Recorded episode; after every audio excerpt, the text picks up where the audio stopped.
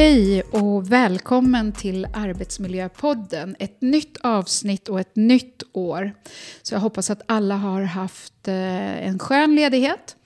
Dagens avsnitt ska handla om välfärdsbrott och otillåten påverkan. Och föreställ dig en arbetsplats där allt vid första anblicken verkar vanligt. Kollegor som samarbetar, projekt som utvecklas och dagliga rutiner som följs. Men under ytan döljer sig en annan verklighet. Otillåten påverkan, likt en osynlig kraft, genomsyrar arbetsmiljön där beslut och handlingar inte längre styrs av etik och professionalism utan av dolda motiv och externa påtryckningar.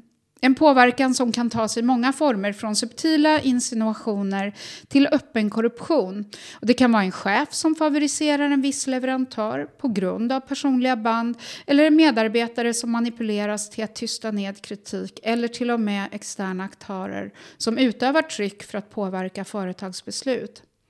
Konsekvenserna som ni alla förstår är allvarliga. En försämrad arbetsmiljö, en kultur av misstro och rädsla och en erosion av förtroende och moral. Och därtill kommer de arbetsrättsliga aspekterna in där en medarbetare kan bli av med jobbet. I dagens avsnitt dyker vi ner i den här frågeställningen kopplat till otillåten påverkan och välfärdsbrottslighet. Fenomen som kanske inte är helt kända för gemene man men som påverkar mer än vi kanske är medvetna om. Och vi kommer att diskutera hur det kan identifieras och effekterna det har på individer och arbetsplatser och viktigast av allt, vad vi kan göra för att motverka att det uppstår. Till min hjälp att belysa frågan så har jag faktiskt bjudit in Oskar Fredriksson utredningschef på Stark och Partner. Varmt välkommen Oskar och varmt välkommen tillbaka till Arbetsmiljöpodden. Mm, tack så mycket. Du, eh, för de som inte har träffat dig förut, kan du väl lite kort berätta om vem du är? Ja, eh, Oskar Fredriksson heter jag och jag jobbar ju då som utredningschef på Stark och Partner och jag är jurist egentligen. Det är min profession. Eh, och eh, jag har jobbat med utredningar av olika, olika slag de senaste fem åren på heltid. Vad var det som gjorde att intresset väcktes just kring eh, utredningsarbete och kanske specifikt kring frågor till hur arbetsgivare ska utreda svåra frågor som kränkande särbehandling och trakasserier som otillåten påverkan och välfärdsbrott. Vi ska ju reda ut hur de där hänger ihop lite grann. Mm. Jag tror att det finns ett ganska stort behov av, av stöd och hjälp för många arbetsgivare för att reda ut de här frågorna. Eh, och också att ham- landa rätt i de olika regelverken. Både för att säkerställa att man fattar beslut som håller rent rättsligt. Men också för att säkerställa att inte enskilda medarbetare kommer i kläm. Ehm, så att det är väl egentligen bakgrunden till att jag tycker det här är intressant och, och viktigt att, att arbeta med. Mm. Jag tänker så här, jag tror att de, alla kanske inte förstår eh, vad som är otillåten påverkan och välfärdsbrottslighet. Det kanske kan vara bra om, vi, eller om du definierar och förklarar. Ge kanske något exempel till och med. Ja, man pratar om, om, om välfärdsbrottslighet. Det pratar man ju ofta där man har så att säga, någon, någon form av eh, beteende eller agerande som gör att man kan plocka ut pengar så att säga ur välfärdssystemen på ett oegentligt sätt. Eh, assistansersättning har till exempel varit ett välkänt exempel som, där det har förekommit fusk. Eh, så det kan ju vara ett exempel på vad som kan vara välfärdsbrottslighet. Eller att få bidrag som man inte har rätt till, sätta det i system till exempel. Det kan vara ett annat exempel. Otillåten påverkan är ju, är ju en del, det, kanske, det kan ju vara en del av det som så leder fram till välfärd, välfärdsbrottslighet. Eller någonting som, där man påverkar enskilda tjänstemän eh, på olika nivåer i en organisation att fatta beslut i en viss riktning som kan vara gynnande för ett, för ett företag eller för en enskild. Och det kan ju finnas på många olika nivåer. Det behöver ju inte vara så att säga, organiserad brottslighet bakom. Otillåten påverkan kan ju utövas av vem som helst egentligen. Att man på ett oegentligt sätt försöker få någon att fatta ett beslut i en viss riktning. Och det kan ju även enskilda personer i enskilda ärenden göra sig skyldiga till så att säga. Och dra fördelar av det med andra ord. Så ja, det, man, på ja. något sätt vill ju ha ett beslut som går i en viss riktning. Och om man då försöker påverka den som är beslutsfattare att fatta ett sådant beslut, även om det egentligen inte är korrekt så att säga. Om man tittar på liksom kanske hur regelverket ser ut så borde man fatta ett annat beslut. Men då försöker man på olika sätt förmå den här personen att fatta ett beslut i en viss riktning. Och det kan ju vara genom att man erbjuder pengar eller att man framför hot eller den typen av så att säga, otillåtna åtgärder. Men hur är det här kopplat till arbetsmiljö då? Och hur blir dess påverkan på individer, företag och organisationer? För det kan ju vara, det kanske inte är så lätt att förstå. Nej, eh, man kanske ofta tänker på den rent brottsliga sidan här. Liksom vad, vad, är, vad är olagligt så att säga? Eh, men det finns ju också en eh, viktig arbetsmiljöaspekt. Där arbetsgivaren har ju också ett ansvar för arbetsmiljön för sina medarbetare. Och det är klart att man utsätts för någon form av otillåten påverkan i sin roll så kan man må väldigt dåligt av det.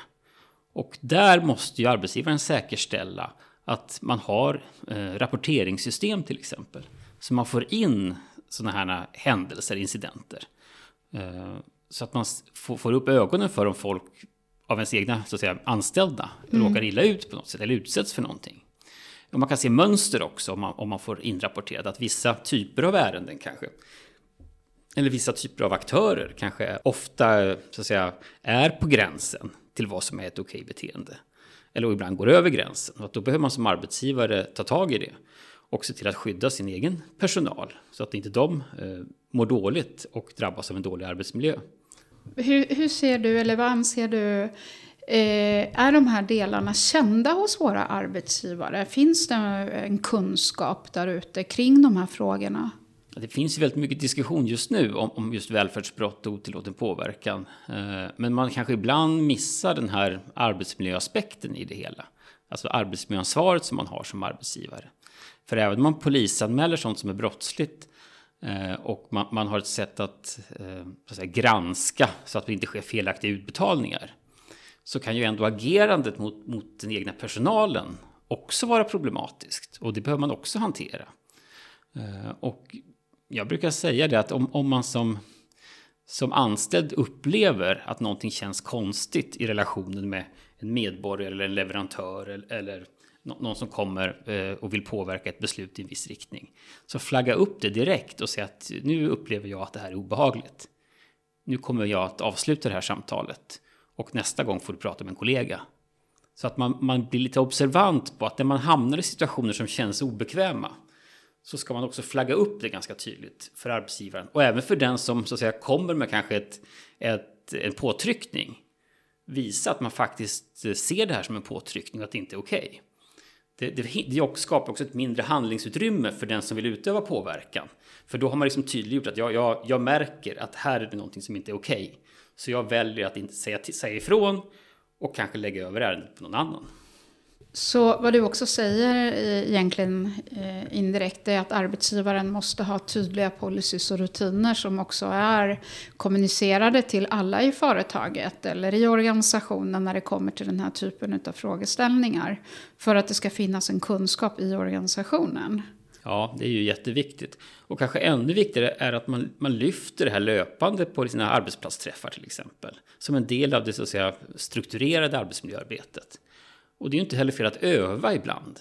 Att faktiskt rollspela åt otillåten påverkan kan vara väldigt effektivt. Att man får gå in och så att säga rollspela det.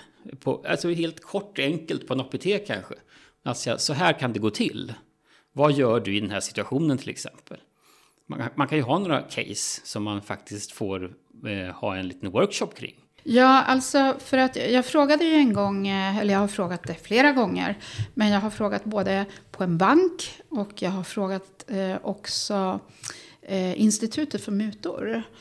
Vad är en muta exempelvis? Eh, och eh, hur, hur mycket behöver en muta vara på? Och svaret det blev, det behöver inte kosta någonting. Det kan ju vara ett beteende och det tror jag också är bra att eh, medarbetare får reda på. Och jag tänker utifrån vissa sektorer, finns det vissa sektorer som är mer utsatta än andra för den här typen av påverkan? Och som kan också naturligtvis beröra den arbetsmiljörättsliga delen. Ja, traditionellt sett så har det ju varit kanske inom så att säga, socialtjänstens område. Där man har sett det här, att, att det har förekommit. Men jag tänker det kan finnas alltså inom den offentliga förvaltningen då. Mm. Men jag tror att det, det här kan nog finnas överallt, även i privata företag och även tror jag ideella organisationer. Mm. Och det tror jag inte ens vi har pratat så mycket om än. Att, att, där kan det också ske en otillåten påverkan.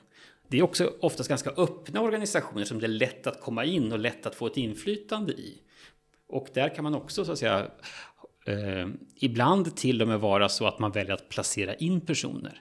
Och det har vi ju sett exempel på även i domstolarna nu. Vi har, har ju ett ärende precis nu där faktiskt en domstolsanställd person har så att säga lämnat information vidare till, till kriminella. Mm. Som faktiskt blivit dömd för det nu. Ja, hon fick ju fängelsestraff, men hon ska ju ja. överklaga. Ja, så, så att, men ändå ja. i första instansen blir dömd för ja. det. Eh, och det där är ju, det där tror jag finns också, i, i både inom företag och inom offentlig förvaltning. Mm. Att det faktiskt finns personer som har, så att säga, sitter där och, och faktiskt har en, en ambition att faktiskt bistå någon till, till att göra oegentligheter. Mm. Man måste, måste faktiskt erkänna att det är så. Ja. Har vi varit naiva kring de här frågorna? Jag tänker, det var väl Fastighetsverket, eh, något av de här myndigheterna, det här är ju ett antal år sedan, där någon hade fått hela sommarstugan ombyggd av en leverantör, byggleverantör. Ja, men det finns ju massor med sådana ja. exempel, särskilt från, från, från bygg och, och så att säga, den samhällsplaneringsbranschen. Mm. Göteborg har ju varit ute för, för flera år sedan med Just asfaltering och att, att ja. man fick tjänster av leverantörer. Så, så, att det är inget okänt problem egentligen. Och jag, kan, jag, jag tänkte man kan ju kanske också ta ett exempel ifrån eh, omvårdnadssektorn. Säg att du jobbar som personlig assistent och så får man, man blir verkligen vän med den som man tar hand om. Och den personen vill då ge den här personen något som är, kanske inte ens behöver vara värt något men som ändå har någon form av fiktionsvärde. Mm. Sånt kan ju också vara problematiskt. Alltså, ja.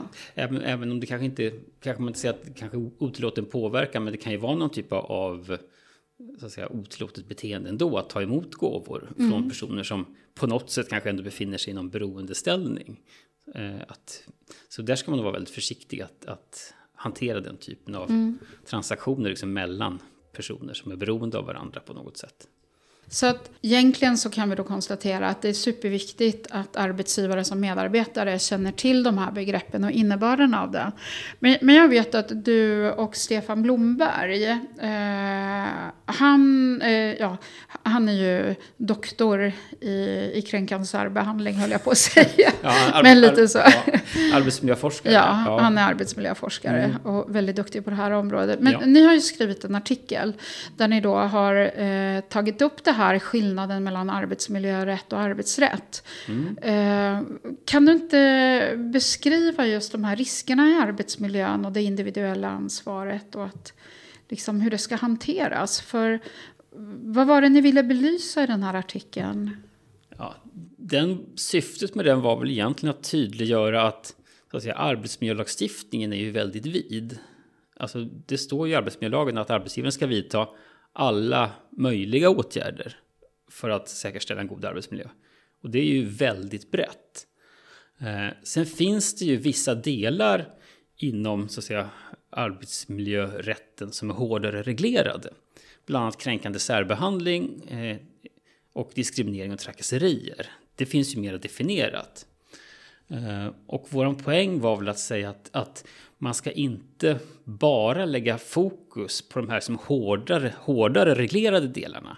Utan arbetsgivaren har ju ett större ansvar. Så att om man har en problematik på en arbetsplats så kanske det inte räcker att utreda kränkande särbehandling om det har förekommit kränkande särbehandling eller trakasserier.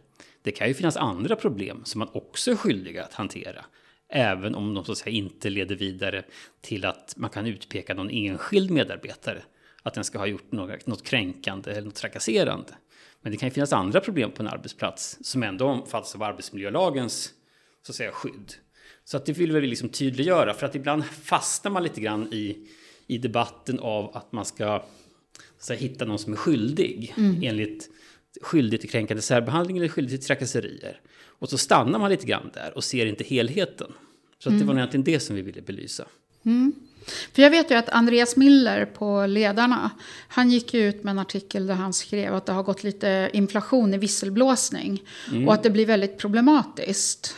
Kan du, kan du förklara skillnaden mellan just det här kan jag, kan jag visselblåsa om en kränkande särbehandling? Mm. Och vad händer? Ja, nej men det där är ju jätteviktigt att belysa. Eh, och eh, där skrev ju också en artikel med, med, med Erna Selmin som är tidigare generaldirektör på, på Arbetsmiljöverket. Vi hade en artikel här ganska nyligen också kring detta. Och vi håller ju med att det här kan bli jätteproblematiskt. För att personalärenden är ju typiskt sett inte någonting man kan visselblåsa om. Nej. Det, det, är typiskt sett inte ett visselblåsningsärende, ett personalärende. Och varför är det inte det då? Jo, det är för att det har inte det här allmänt intresse som står i visselblåsarlagen. Alltså personliga motsättningar på en arbetsplats eller utsatthet på en arbetsplats har generellt sett inte ett allmänt intresse eh, och är därför inte ett föremål för en visselblåsning. Eh, så, så, att där, där är jätteviktigt. För att den fortsatta processen ser, kan bli väldigt komplicerad. För visselblåsarlagen ger ju rätt till anonymitet till exempel. Mm. Och det kan man ju inte ha i ett personalärende. Det måste ju utredas med transparens. Så där kan man inte vara anonym. Så att det kan bli problematiskt om man utlovar anonymitet till någon som rapporterar om ett personalärende, om en kränkande särbehandling eller om trakasserier. Då måste man upplysa den personen om att det här ska inte utredas enligt visselblåsarlagen. Utan det här ska utredas som ett vanligt personalärende. Och då kan man inte vara anonym. Så. Vilket i sin tur blir väldigt problematiskt för den som då har visselblåst och tror sig vara skyddad med andra ord. Ja, då, då måste man informera den personen att, så att den vet vad som gäller. Ja. Annars kommer ju den personen kanske att känna sig utsatt. Att man har trott att man ska få vara anonym. Eh, och sen får man inte det. Men arbetsgivaren måste ändå gå vidare och utreda till exempel de här sexuella trakasserierna mm. som man då har fått kännedom om. Men man kommer inte att kunna garantera anonymiteten. Mm. Jag tänker så här, ehm, just det här med kränkande särbehandling, eh, trakasserier och kunskaperna kring de här frågorna, de verkar, de verkar vara lite diffusa om man så säger. Eh, vad är din erfarenhet? Och jag tänker också utifrån ett arbetsgivarperspektiv, måste man alltid utreda när det inkommer en, en eh, anmälan om kränkande särbehandling? Alltså någon typ av ställningstagande måste man ju göra som arbetsgivare. Och hur omfattande utredning man måste göra, det är egentligen upp till arbetsgivarens egen bedömning. Och om man, ser, om man bedömer att nej, vi har så att säga, tittat, vi har lyssnat på kanske båda parterna vad de har sagt och sen gör vi en bedömning att nej, det här, det här är inte kränkande särbehandling. För att det här handlar om arbetsledning. Att din chef har egentligen bara bestämt vilket schema du ska ha och när du får ta semester. Eh, och det är i sig inte något kränkande. Och då kanske man kan liksom lägga det åt sidan. Sen kan det finnas mycket mer komplicerade ärenden, till exempel sexuella trakasserier. Och då kanske man måste göra en mycket mer så att säga, grundlig utredning. Så, så, att det är ju väldigt olika beroende på hur mycket man måste utreda. Men, men, men, någonstans behöver man, om du får in en anmälan så måste du som arbetsgivare i alla fall ta ställning till det. Vad, vad du, vad du ser för någonting. Mm. Jag tänker så här, varför är det problematiskt att tillåta exempelvis personer framföra kritik mot medarbetare och chefer anonymt? För det är också en sån här eh, missförstånd jag tror som många har att eh, en kränkande särbehandling, går den att göra anonymt? Du sa ju att det går ju inte mm. jämfört med visselblåsarlagen. Eh, men varför blir det extra problematiskt? Och då behöver man inte visselblåsa, men säg att en arbetsgivare får, in en anonym anmälan från en medarbetare men säger att ja, men jag, vill inte, jag vill inte att du gör någonting eller jag vill inte att mitt namn syns i det här. Nej, och då, då kommer ju arbetsgivaren och den chef som får in den här anmälan i ett väldigt knepigt läge. För det som har fått kunskap om någonting som man har en skyldighet kanske att utreda, att hantera enligt arbetsmiljölagen. Samtidigt säger personen att nej, men du får inte berätta någonting. Eh, och det blir liksom ett moment 22 där för den chefen i sådana fall. För att gå vidare med de här anonyma uppgifterna och sen konfrontera någon medarbetare med stöd av anonyma uppgifter. Det är ju i sig extremt problematiskt ur ett arbetsmiljöperspektiv. Och det, det, finns jättegott om stöd för det i arbetsmiljöforskningen. Mm. Hur skadligt det är mm. att använda den här typen av anonym information. Och att det i sig skapar kanske ändå större arbetsmiljöproblem på en arbetsplats. Eh, och eh, man kan, kan ju hävda också att bara att använda så att säga, den här anonyma informationen, att göra en, en utredning så att säga, baserad på anonym information. Bara det förfarandet kan ju i sig vara kränkande mot den som faktiskt då utsätts för detta. Och att det finns jättestora arbetsmiljörisker kopplat till det. Så, så det, det, ska man verkligen inte göra. Eh, sen, sen kan det ju vara så att en person säger att men jag, jag vågar inte berätta. För vi har så stark tystnadskultur här, så jag, jag törs inte för jag är rädd för att bli straffad och få repressalier. Men motargumentet är ju då att om man börjar tillåta anonyma uppgifter så kommer man ju skapa en ändå starkare tystnadskultur. Alltså du, kom, du, kommer att förvärra problemet. Så att man får försöka bryta igenom det där och säga att nej, jag kan inte hantera den här frågan med mindre än att du faktiskt måste kunna stå för dina uppgifter också. För det kan ju faktiskt vara så att de inte stämmer. Eh, och då måste man ju se att båda parterna i en konflikt ska ha lika rätt att få, få sin sak utredd och få sin röst hörd. Mm. Uh, arbetsgivaren kan ju inte så att säga, favorisera ena parten, utan man behöver vara, vara objektiv och transparent i sin process. Alltså saklighet och korrekthet i hur man hanterar processen. Mm. Jag tänkte så här, vi ska börja avrunda lite grann. Man kan ju prata hur länge som helst om det här ämnet. Och, eh, men så här, vilka är, de, vilka är de tipsen du skulle skicka med både arbetsgivare som medarbetare? Säg ja, tre till fem punkter. Ja, eh, alltid viktigt att, så att säga, utgå ifrån vad det är för fakta man har. Eh, och det gäller egentligen både, både den som gör en anmälan och, och den som utreder. Alltså, vill du berätta om att du har varit utsatt för någon, någon form av ja, otillåten påverkan, kränkande särbehandling, trakasserier. Försök vara så konkret och ta fram så mycket fakta som möjligt. Om det är sms, det kan vara mail, eh, minnesanteckningar eller bara en ordentlig redogörelse för när och var saker har hänt. Eh, det är en jättebra utgångspunkt för att kunna utreda det på ett bra sätt. Eh, och samma sak på arbetsgivarsidan, den som ska stå för utredningen. Säkerställ att du inte tar ställning för någon part. Utan du måste vara objektiv ända tills du har en slutsats. Och ibland så kan det vara så att det är för infekterat. Och i sådana fall tycker jag att man ska ta hjälp. Mm. Låt någon annan utreda. Om du, inte, om du säger att vi kan inte vara opartiska i det här, för det här är för infekterat på arbetsplatsen. Så ta, ta hjälp då i sådana fall. Ja, och i AFSen så står det ju, alltså i föreskriften så står det också med risk för ohälsa. Mm. Eh, så att eh, definitivt. Mm. Medarbetare då? Ja, det är viktigt att, att försöka också ställa sig lite utanför ibland. Att inte, om man har, har en fråga kring kränkande särbehandling eller trakasserier så är det egentligen arbetsgivarens ansvar att återställa en god arbetsmiljö. Så att man kan inte säga att ja, men jag vill ha hämnd eller jag vill att någon ska få sparken. För det kommer väldigt sällan att hända. Mm. Utan fokuset i en sån här utredning är ju oftast återställa till en god arbetsmiljö. Och att, sak, att det inte ska hända igen, så att säga, de här problemen som eventuellt har hänt. Och att det inte ska upprepas. Och det är egentligen det som är syftet med lagstiftningen. Mm. Jag tänkte innan vi, vi ska avsluta så måste vi ändå beröra några punkter till. Och det är ju de fackligas roll och skyddsombudens roll eh, för, för ibland har ju jag fått en förfrågan, till exempel från, från fackliga, att eh, de vill göra en egen utredning. Hur ser du på den frågan?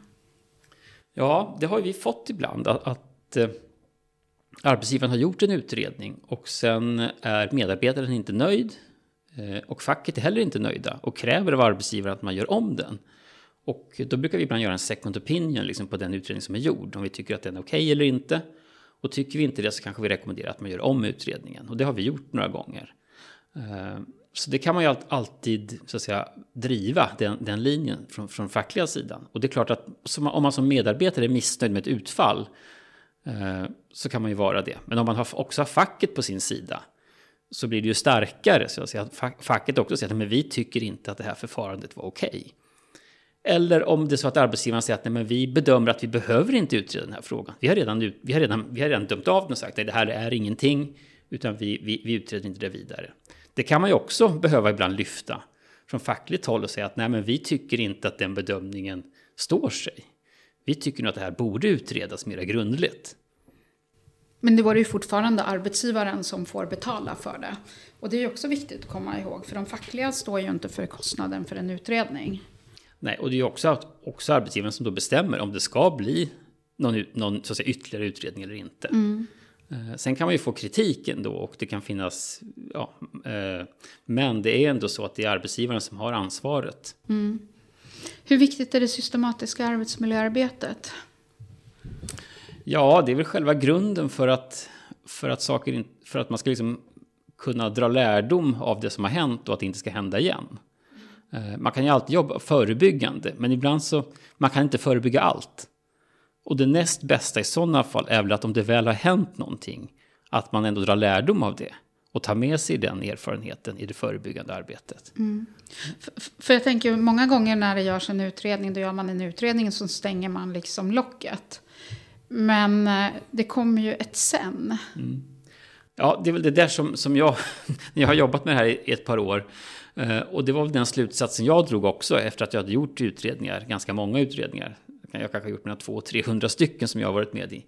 Eh, men då ser man ju efter ett tag att man behöver faktiskt ta det vidare efter utredningen. Alltså utredningen avgör ju bara själva grundfrågan. Den reder ju inte ut situationen. Nej. Och det är väl det som jag tycker att vi, vi, har blivit bättre på att trycka på i den roll som jag har nu. Att trycka på, okej, okay, men vad händer sen då? Hur tar vi det här vidare? Hur löser vi upp själva problematiken också? Inte bara ge ett svar, var det kränkande eller inte? Var det trakasserier eller inte? Utan också, hur tar vi det vidare? Oavsett slutsats. Mm. För behovet av insatser kan vara lika stort oavsett om du kommer fram till att det var kränkande eller inte kränkande. Alltså konflikten mellan personerna kan ju ja, bestå. Den kan ju vara kvar. Ja. ja. ja. Eh, jag tänker så här eh, innan vi ska avsluta då. Du och jag, vi ska ju tillsammans med Stefan hålla en utbildning. Ett seminarium i februari. Mm. Ska vi berätta lite om det?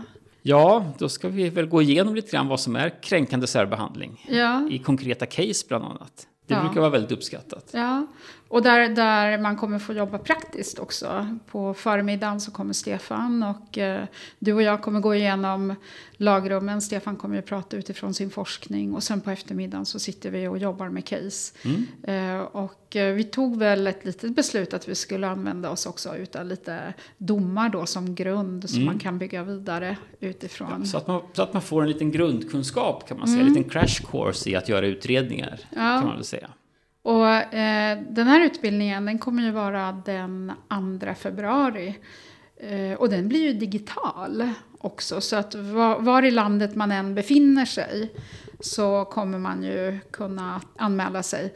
Så var någonstans kan våra lyssnare här på Arbetsmiljöpodden hitta en länk till den här utbildningen? Ja, vi, har väl, vi kan väl lägga ut en länk kopplat till podden också, mm. men även på Arbetsmiljöforum heter de ju, de som anordnar själva eventet så att säga. Just det. Så mera info kommer kring den här utbildningen och eh, eh, sen hoppas jag att ni som lyssnar, eh, ställ, vill ni ställa frågor och sånt så går det ju jättebra att ställa dem både till eh, mig via LinkedIn och eh, även till Oskar. Och vi kommer att eh, lägga in lite länkar och sådär.